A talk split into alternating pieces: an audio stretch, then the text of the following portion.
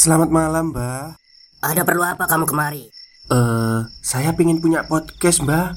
Biar pacar saya makin cinta sama saya. Loh, loh, loh. Mau bikin podcast kok tanya dukun? Sekarang kamu download aplikasi Anchor.fm. Di situ kamu bisa buat podcast gratis dan podcast kamu bisa didistribusikan ke platform mana pun. Dan di aplikasi atau website Anchor.fm juga terdapat fitur-fitur yang memudahkan kamu untuk membuat podcast. Oh, gitu ya, Mbak. Kalau gitu, saya boleh minta password wifi-nya, Mbak. Buat apa? Buat download Anchor.fm, Mbak.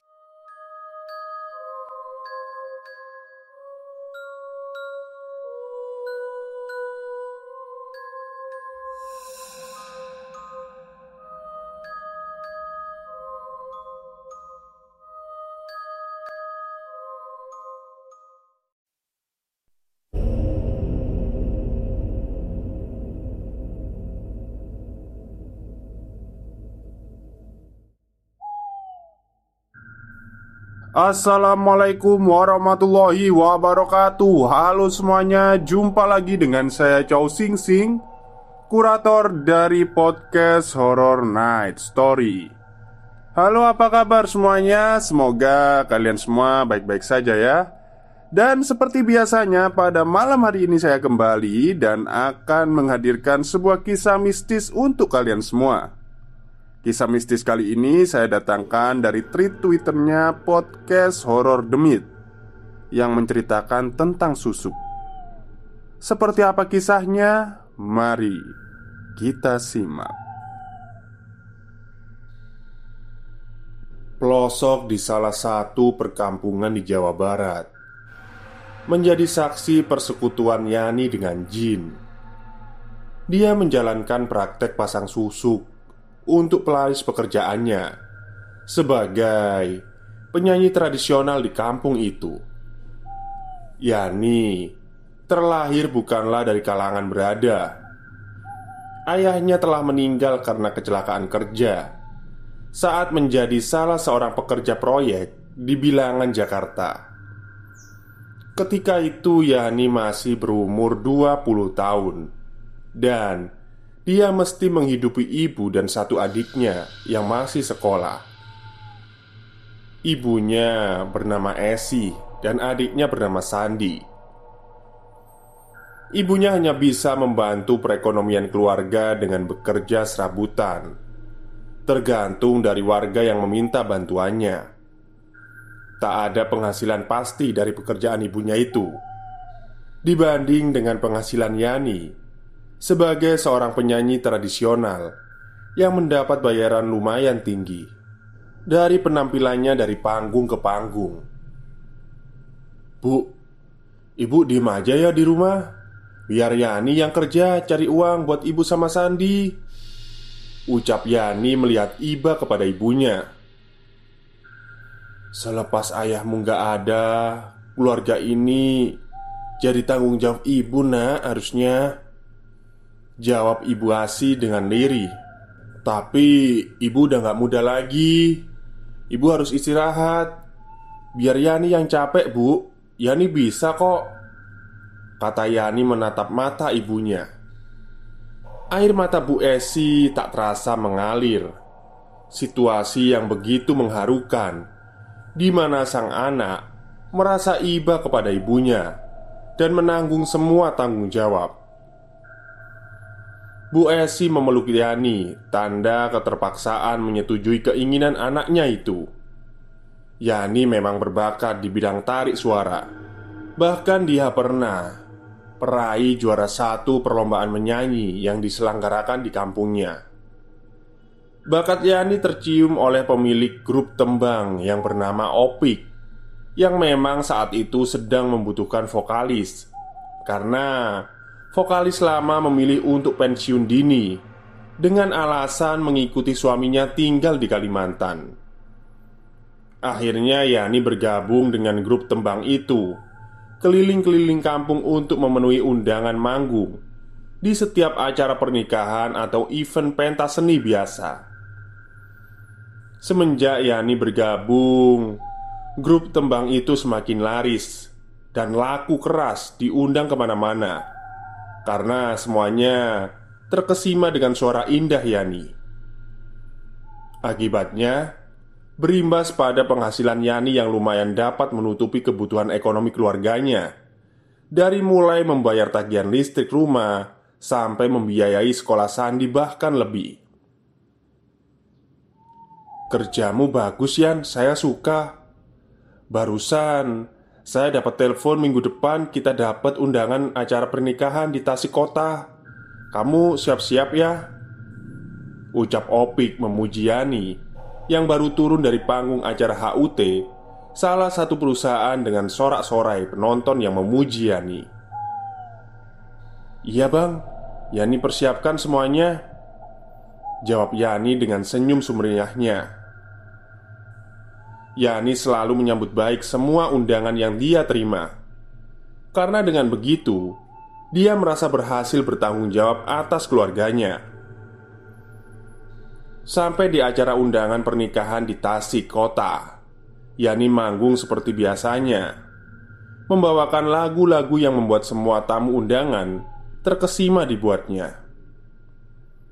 Bertahun-tahun dia alami masa seperti itu Sampai suatu ketika ujian bagi grup tembang datang. Opik harus bercerai dengan istrinya. Dikarenakan istrinya curiga Opik ada main dengan Yani.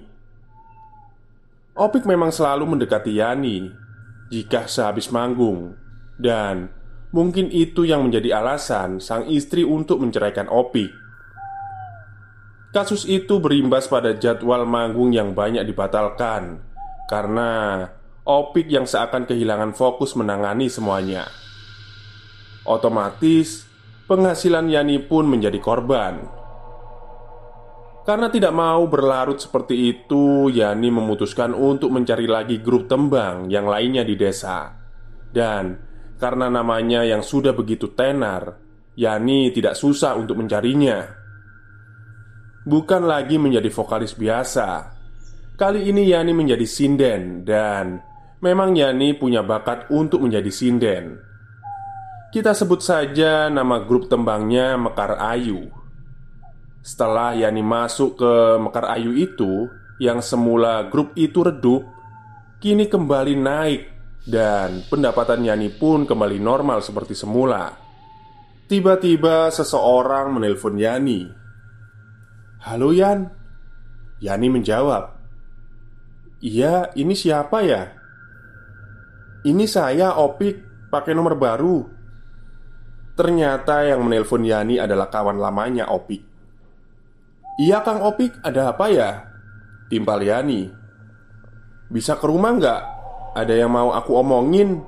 Jawab Opik Oh bisa Kang, nanti Yani ke rumah ya Kata Yani Opik masih dengan grup tembangnya yang dulu meskipun penghasilannya tidak sebesar ketika ada Yani di dalamnya.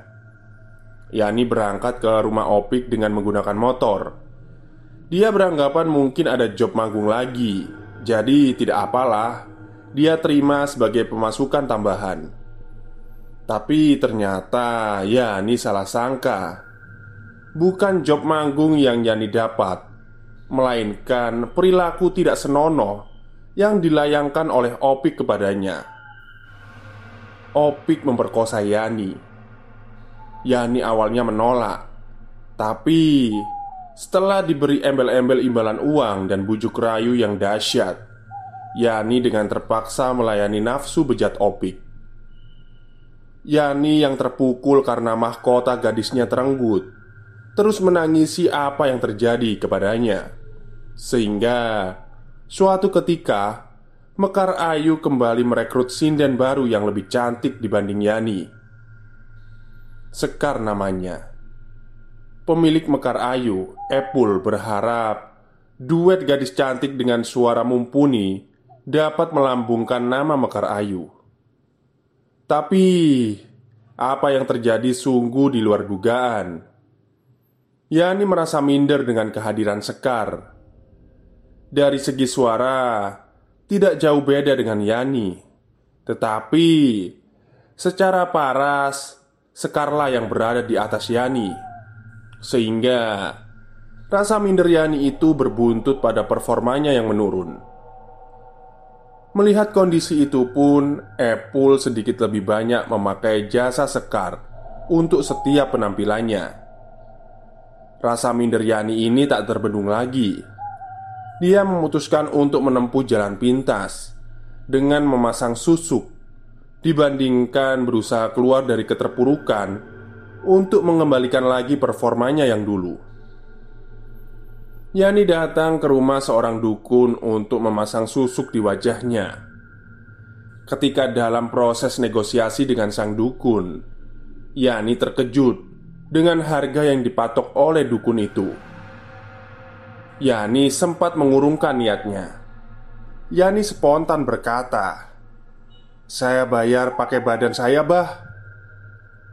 Hal gila yang diucapkan Yani hanya untuk membuat keputusan yang akan membuatnya semakin terpuruk di kemudian hari. Setelah menempuh proses negosiasi yang agak panjang, akhirnya sang dukun menyetujui kesanggupan Yani yang hanya bisa membayar dengan badannya saja, di mana mereka harus berhubungan suami istri. Di dalam hubungan itu, memberi rasa dilema bagi Yani di satu sisi, dia masih terpuruk karena keperawanannya direnggut oleh Opik. Kini, dia harus memaksakan diri melayani dukun yang dia anggap akan menyelamatkan karirnya. Sementara di sisi lain, dia senang karena dengan begitu karirnya akan kembali melejit. Proses pasang susuk pun dimulai. Susuk itu dipasang hampir di setiap bagian lekuk wajahnya. Dan akhirnya proses pasang susu itu selesai dengan menyisakan sedikit rasa dilema bagi Yani yang berusaha dia abaikan dan bersikap hal itu biasa saja. Uang sudah membuatnya kalap. Tidak ada lagi rasa kehormatan di pandangannya. Susu itu bekerja dengan baik dan melambungkan kembali namanya. Epul pun senang dan memposisikan kembali Yani sebagai sinden utama. Dan yang terjadi kepada Yani tidak terjadi pada Sekar. Sekar menerima keputusan Epul dan menghormati Yani sebagai seniornya, dan Sekar menikmati itu. Setelah pasang susuk itu, Yani menjadi peka terhadap hal-hal mistis. Bahkan ketika dia manggung, dia sering melihat kuntilanak berseliweran di atas panggung, atau bahkan sering melihat manusia berkepala babi yang berkeliaran di sekitar panggung. Hal itu dibuat biasa oleh Yani karena itu sudah disampaikan oleh Abah Dukun sebagai efek samping jika dia memakai susu. Yani pun sering bermimpi didatangi sosok cantik yang kadang-kadang berubah menjadi sangat mengerikan dengan mulut penuh darah. Karir Yani sekarang semakin memuncak Sampai-sampai dia bisa membeli rumah baru bagi ibunya Dan menguliahkan Sandi di salah satu universitas di kota Bandung. Tepat sebulan setelah membeli rumah barunya Yani mengalami kecelakaan tertabrak motor Yang melaju sedikit cepat ketika dia hendak menyeberang. Stang motor menghantam perut Yani yang membuat Yani terpental sekitar 3 meter. Tidak ada luka parah Namun itu berefek dua minggu setelahnya Yani merasakan sakit yang luar biasa di perutnya Yang mengakibatkan muntah darah Melihat itu Bu Esi bergegas membawa Yani ke rumah sakit untuk dirawat Stop, stop kita break sebentar. Jadi gimana? Kalian pengen punya podcast seperti saya? Jangan pakai dukun, pakai Anchor. Download sekarang juga. Gratis. Yani mengalami pendarahan hebat di perutnya Sehingga membuatnya koma selama dua minggu Semua tindakan sudah dilakukan oleh tim dokter untuk menolong nyawa Yani dan semua biaya pengobatan di rumah sakit ditanggung oleh hasil Yani Manggung. Setelah dua minggu itu, Yani tersadar dan bisa dibawa pulang, meski kondisinya belum 100% pulih. Seringkali Yani memaksakan diri untuk bisa manggung karena dalam benaknya dia harus bertanggung jawab mencari nafkah untuk keluarganya. Epul pun menyarankan Yani untuk beristirahat saja sampai kondisinya benar-benar pulih dan tetap dibayar meskipun dengan konsekuensi penghasilannya dipotong. Namun, Yani menolak dia tetap memaksakan diri sampai suatu ketika Ketika Yani sedang manggung di daerah dekat rumahnya. Di atas panggung Yani mendadak pingsan. Semua kru Mekar Ayu panik dan membawa Yani ke rumahnya Yang memang kebetulan tidak jauh dari area panggung. Setelah sekian lama dalam kondisi tak sadar Semua orang yang datang dikagetkan dengan Yani yang mendadak bangun dengan kondisi mulut yang menganga dan mata melotot. Urat-urat matanya terlihat jelas memerah, mengerikan, seakan mau keluar dari kelopaknya. Bu Esi panik dan segera mengabari Sandi yang sedang berada di Bandung untuk segera pulang kampung. Yani seperti sekarat, terus dalam kondisi begitu. Bu Esi sigap memanggil seorang pemuka agama di daerahnya karena dia yakin Yani sudah berada dalam penghujung hidupnya.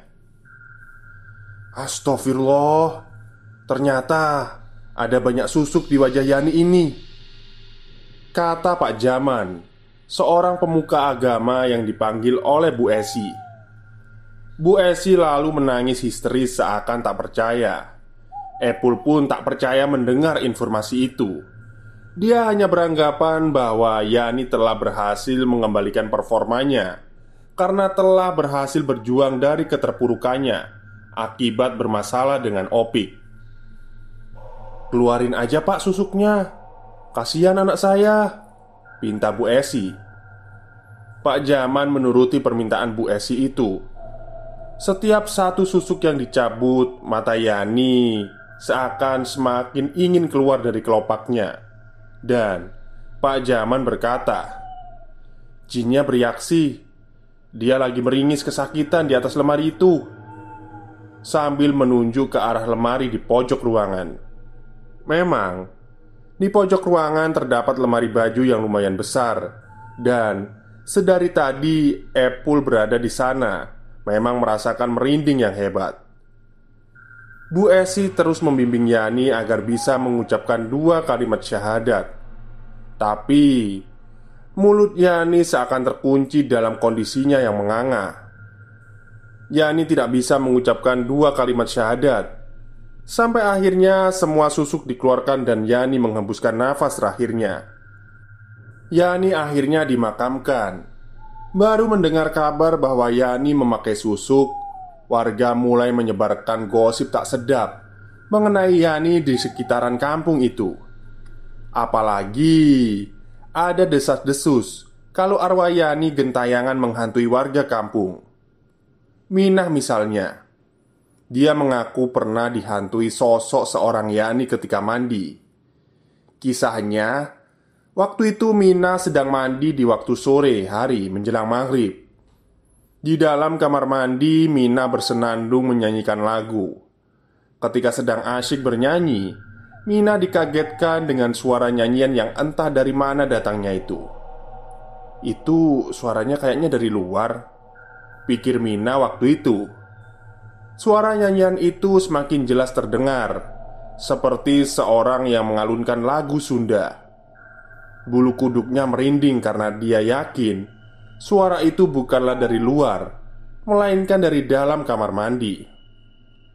Dengan perasaan takut, Mina akhirnya memeriksa ke setiap sudut ruangan kamar mandi, dan Mina terkejut ketika melihat ke arah ventilasi yang berada di plafon kamar mandi. Di sana, Mina melihat rambut menjuntai dengan kepalanya yang terbalik dan dengan kondisi mata yang melotot, sementara mulut yang tetap bernyanyi meski ternganga. Yani? Mina tanpa pikir panjang langsung mengambil handuk dan berlari keluar dari kamar mandi. Berbeda cerita dengan Maipa, seorang penjual makanan ringan seperti gorengan dan lain-lainnya yang sering menitipkan dagangannya ke warung-warung di kampung itu. Suatu ketika sebelum adzan subuh sekitar jam 3 pagi, Maipa sedang menggoreng gorengan di dagangannya Mendadak Maipah mencium seperti telur busuk dari arah pintu dapur yang langsung mengarah keluar di belakang rumahnya. Maipah lalu memastikan ke setiap bahan baku dagangannya agar tidak ada yang busuk. Dan memang bahan baku dagangannya aman-aman aja, tidak ada yang busuk sama sekali. Maipah curiga, ini pasti ada yang tidak beres Seketika dia langsung menghampiri pintu dapur dan membukanya. Perlahan, Maipah membuka pintu dapur itu, dan dia dikejutkan dengan sesosok wanita berpakaian sinden, persis seperti apa yang dikenakan Yani ketika posisi terakhir meninggal. Dia berdiri di dekat pohon mangga yang berada di belakang rumahnya, dengan rambut terurai acak-acakan, dan Matanya masih melotot Mulutnya menganga Sosok Yani itu menggerakkan kepalanya patah-patah Dan Maipa Sontak membanting pintu Dan mengurungkan niatnya untuk berdagang hari itu. Setelah kejadian itu Maipa mengalami demam selama satu minggu.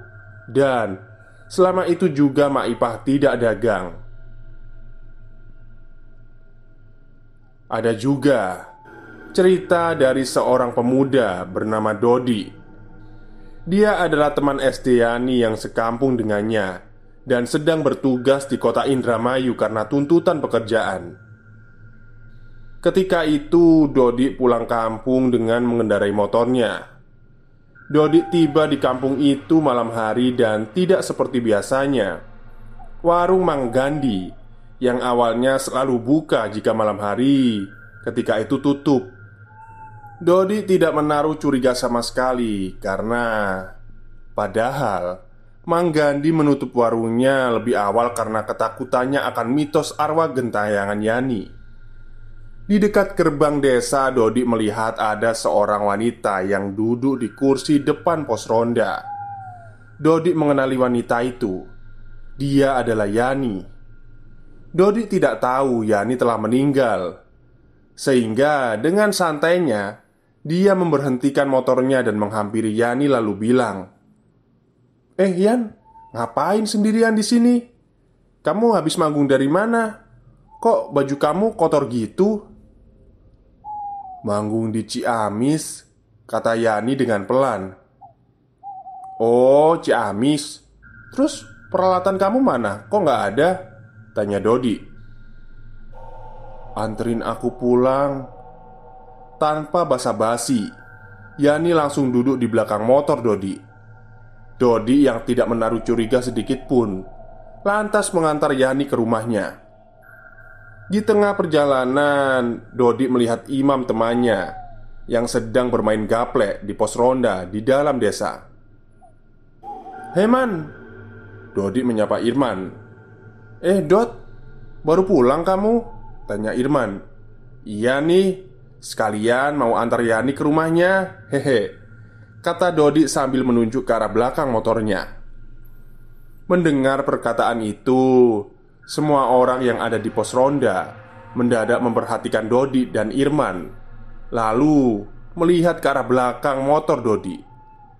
Di sana Irman Melihat sosok Yani dengan mata melotot Mulut menganga Dan wajah penuh darah bekas sayatan Irman dan semua orang di pos ronda menahan kaget Karena mereka tidak mau Yani malah mengganggu balik mereka Dengan inisiatif masing-masing sembari menahan rasa takut Semua orang di sana tanpa basa-basi meninggalkan pos ronda Dengan sedikit terburu-buru Irman hanya memberi isyarat memuramkan wajahnya kepada Dodi. Dia tidak ingin memberitahu Dodi saat itu juga karena takut Yani mendengarnya. "Kamu kenapa, Man?" tanya Dodi melihat Irman memuramkan wajahnya. "Eh, aku duluan ya," kata Irman dengan sedikit mencubit bahu Dodi. "Aduh, orang Dodi." Irman lantas meninggalkan Dodi. Dia sedikit terheran kenapa Irman seperti ketakutan. Dodi tidak pikir panjang. Dia lantas mengantarkan Yani ke rumahnya. "Assalamualaikum," ketuk Dodi di depan pintu rumah Yani. "Waalaikumsalam." Ternyata itu adalah suara Bu Esi. "Bu, ini saya anterin pulang. Tadi saya ketemu di gerbang desa. Dia lagi sendirian." Jelas Dodi. "Masuk, masuk," kata Bu Esi dengan berbisik. Dot, kamu itu nganter apa? Yani itu udah gak ada. Ungkap Bu Esi sambil menahan tangis. Loh, kok gak ada? Tapi jelas-jelas saya bawa Yani loh bu. Ungkap Dodi meyakinkan Bu Esi. Ya, akhir-akhir ini memang banyak gosip arwahnya Yani gentayangan keluarga. Mungkin kamu salah satu korbannya Kata Bu Esi Mendengar penjelasan Bu Esi itu membuat Dodi seperti disambar petir. Dia pun berpikir mungkin hal inilah yang membuat Irman dan semua orang di pos ronda kabur tanpa pamit. Rasa takut dan rasa sedih bercampur jadi satu. Dia lantas berpamitan kepada Bu Esi untuk segera pulang ke rumahnya. Terima kasih. Hihihihihi. Tiba-tiba Dodi mendengar suara itu. Terdengar melayang ketika Dodi memarkirkan motor di depan rumahnya. Mendadak dia merinding hebat Dan bergegas memasukkan motor ke rumahnya. Tak pikir panjang Dodi langsung masuk ke kamarnya Untuk mengobati rasa takutnya digentayangi Yani. Terima kasih Baik, itulah kisah horor dari tweet twitternya Bagi horor atau awas di belakang. Jadi ini part satunya ya Nanti untuk part keduanya besok siang akan saya upload. Baik, terima kasih untuk yang sudah mendengarkan pada malam hari ini. Selamat malam dan selamat beristirahat